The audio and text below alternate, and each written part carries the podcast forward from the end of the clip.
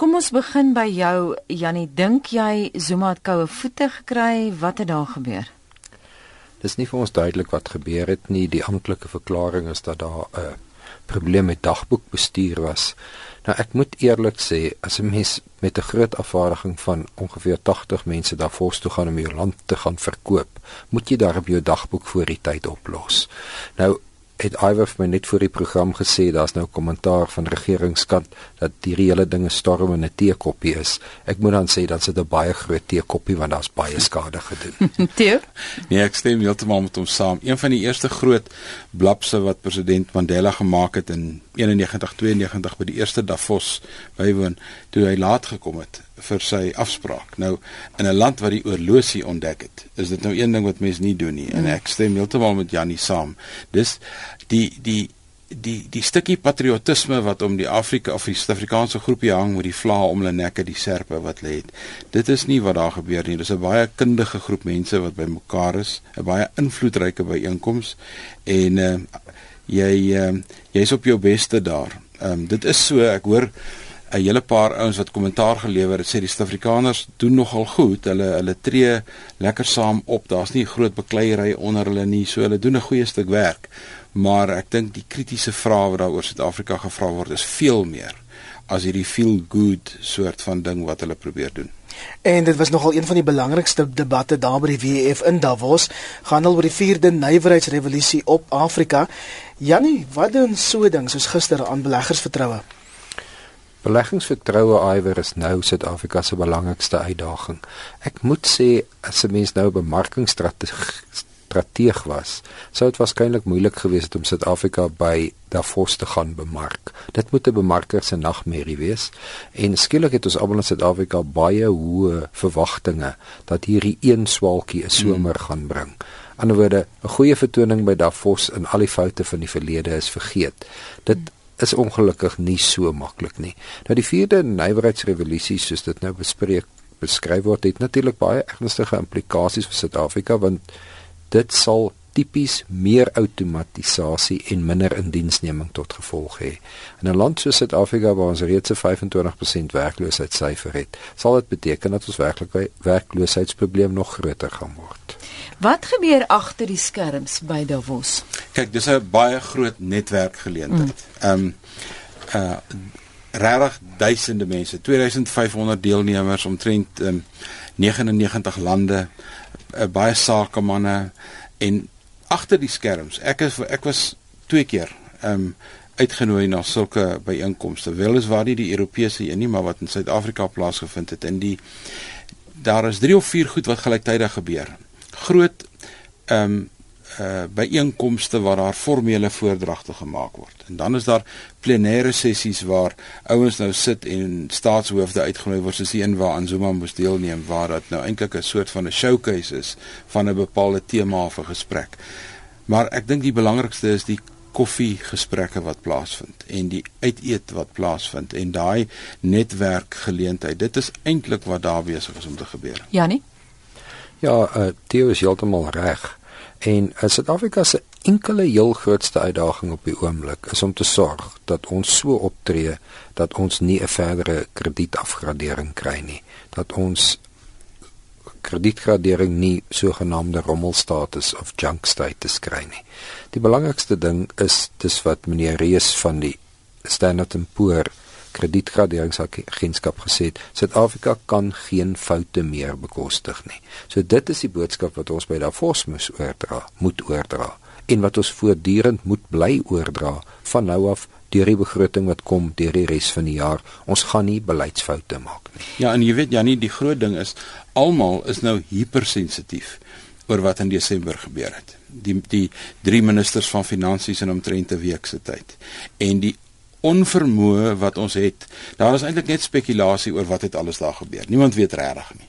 Ja nee, is dit nie ironies ek moet jou dit vra dat uh, president Zuma gesê het dat die feit dat hy deel van die afvaardiging is sal help om beleggersvertroue te herstel. Is dit nie ironies gegee wat gebeur het na die Nene debakel nie? Ja, maar eh, dit sou nogal 'n geval gewees het van skitter in sy afwesigheid as meneer Zuma nie daar was nie. Jy kan nie sê dat Vos is jou groot bemarkingsgeleentheid. Daar staatshoofde van baie lande in die wêreld en jy het nie jou eie staatshoof daar nie. So dit is 'n geleentheid waar jy moet deur jou staatshoof gelei word. Ek het geen twyfel daaroor nie. Maar ons moet ook onthou dat die wêreld begin en eindig nie by Davos nie. Jy lê nog 'n hele 2016 vir ons voor.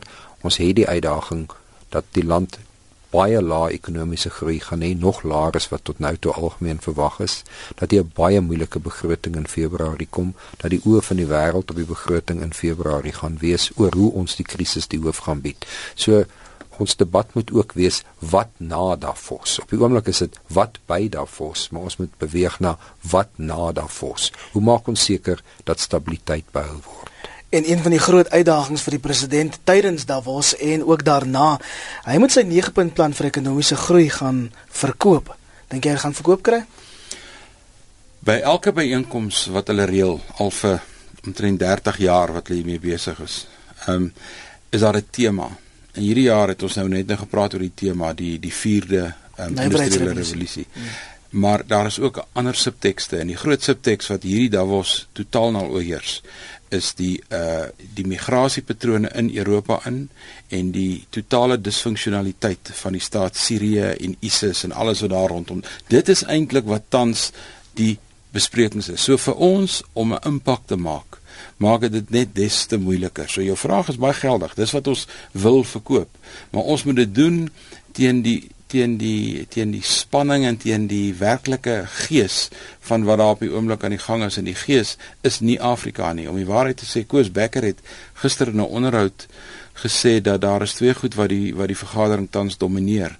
Dit is 'n um, soort van 'n 'n teleurstelling met wat in Afrika gebeur het En die tweede ding is die hele induie stort van die kommoditeitsmark en twee of drie van die prominente Afrika ekonomieë, Nigerië en Angola, kry op oomblik baie swaar, net so Suid-Afrika, maar nog selfs swaarder omdat hulle so afhanklik is van olie.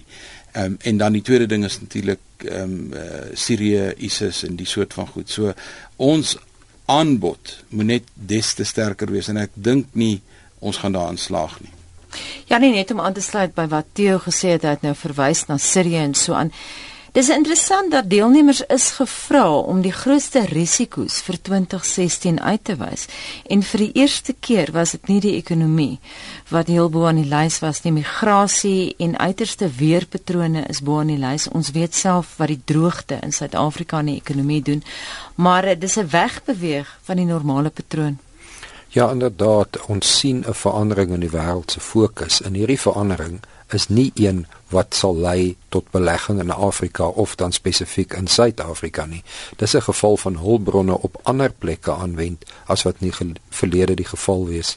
Soos Theo sê, daar skeptisisme oor Afrika en hulpbronne gaan in, in ander rigtings gestuur word. As jy dalk laat by ons ingeskakel het, goeiemôre, baie welkom by Monitor is 20 oor 7. By ons in die ateljee vanoggend is professor Janie Rousseau van Wits, asook Theo Venter van die Potchefstroom se besigheidskool en ons is midde in 'n gesprek oor die wêreldekonomiese forum se beraad in Davos, Switserland en die beraad duur nog tot môre. Theo, jy het die WEF se mededingingsverslag oor Suid-Afrika onder oog gehad. Wat sê dit?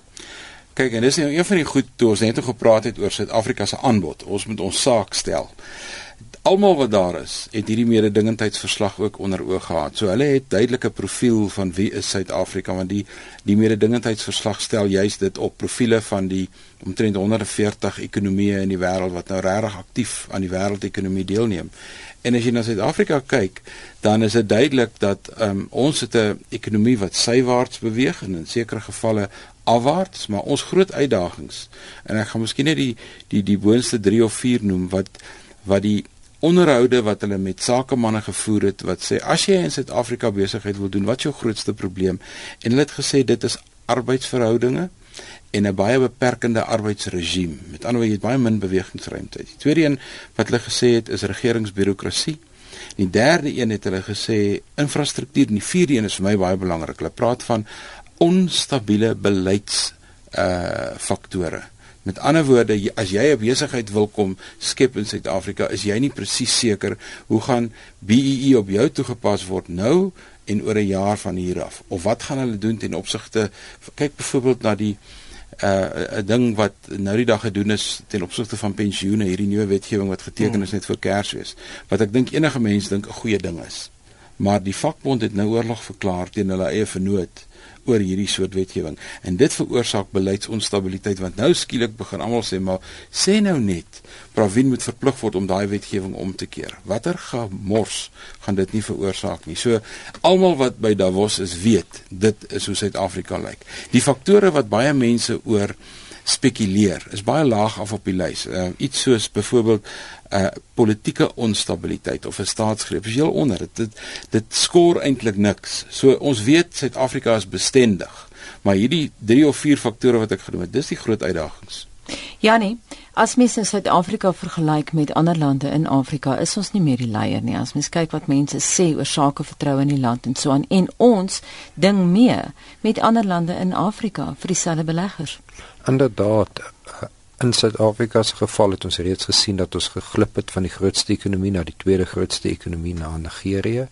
Daar's ander beleggings uh lande wat skielik meer aantreklik lyk, wat meer stabiliteit bied. Wat Wil jy uitlig wie? Wat wel lande wat se wisselkoers meer stabiel is, as mm. ons net om onsself kyk op die oomblik moet Botswana meer aantreklik as Suid-Afrika wees, moet Namibië meer aantreklik as Suid-Afrika wees, selfs Mosambiek moet begin aantreklik raak. Die rand het selfs teen die Mosambiekse Metikai in waarde gedaal. En Mauritius vaar goed, né? Mauritius vaar uitstekend, maar ons het 'n verdere probleem in Suid-Afrika in 2016 die jaar wat ons soek na stabiliteit en dit is 'n verkiesingsjaar. Hmm. En die een ding wat jy nou nie moet verwag nie is dat politici verantwoordelike uitsprake maak in 'n verkiesingsjaar. in 'n verkiesingsjaar is dit asof 'n uh, regeringsleiers politici vir elke gehoor sê wat hulle wil hoor. En op die end lyk dit asof daar geen beleidskoördinasie is nie want die mense sê eenvoudig wat die gehoor wil hoor. En dit is presies wat ons nie op die oomblik nodig het om beleggingsvertroue te herstel nie. Die jou reaksie? Nee, ek stem saam. Dis 'n baie baie goeie insig vanuit die ekonomie, maar dit is presies wat ons beleef as politieke ontleeders dat uh, elke uitspraak veroorsaak 'n 'n 'n klein omstredenheid op sigself en eintlik wat 'n mens vir die die die luisteraars moet sê en die ouens wat wil kom belê in die land, wees net kalm. Hierdie is net politici wat optree soos politici. Ehm um, en uh, dit het klaar begin. Verlede jaar toe president Zuma by Davos was, toe sê hy vir die ouens Suid-Afrika is oop vir besigheid. Was so al so sy boodskap. Twee weke later in sy staatsrede, uh, verwys hy nie eers na die nasionale ontwikkelingsplan nie. Hy's heeltemal op 'n nuwe soort van traject. Dis net die Freedom Charter wat nou wat nou tel en dit is asof dit 'n uh, 'n amper besigheidsonvriendelike staatsrede was. Hmm. Nou hoop ek ja. vir hierdie jaar sal hy dit beter kan doen. Janie, net 'n laaste vraag aan jou. As jy een boodskap by Davos kon oordra, as jy deel van die span was wat gaan die afvaardiging, wat sou jy daar sê? My boodskap sou wees: ons is ernstig. Ons gaan stabiliteit handhaaf. Ons gaan seker maak dat die kredietgradering nie verlaag nie en die wyse waarop ons dit gaan doen is deur 'n baie verantwoordelike begroting in Februarie vanjaar. En moet ek my haas om te sê wat waarskynlik skerp belastingverhogings vir Suid-Afrikaners gaan inhou. Baie dankie en so sit die hoof van die Wits Universiteit se skool vir ekonomiese en bestuurswetenskappe, professor Janie Resou. Dankie Janie. Dankie en dankie aan die luisteraars. En baie dankie aan 'n politieke en beleidsspesialis by die Potchefstroom se besigheidskool, Theo Venter. Dankie Theo. My plesier.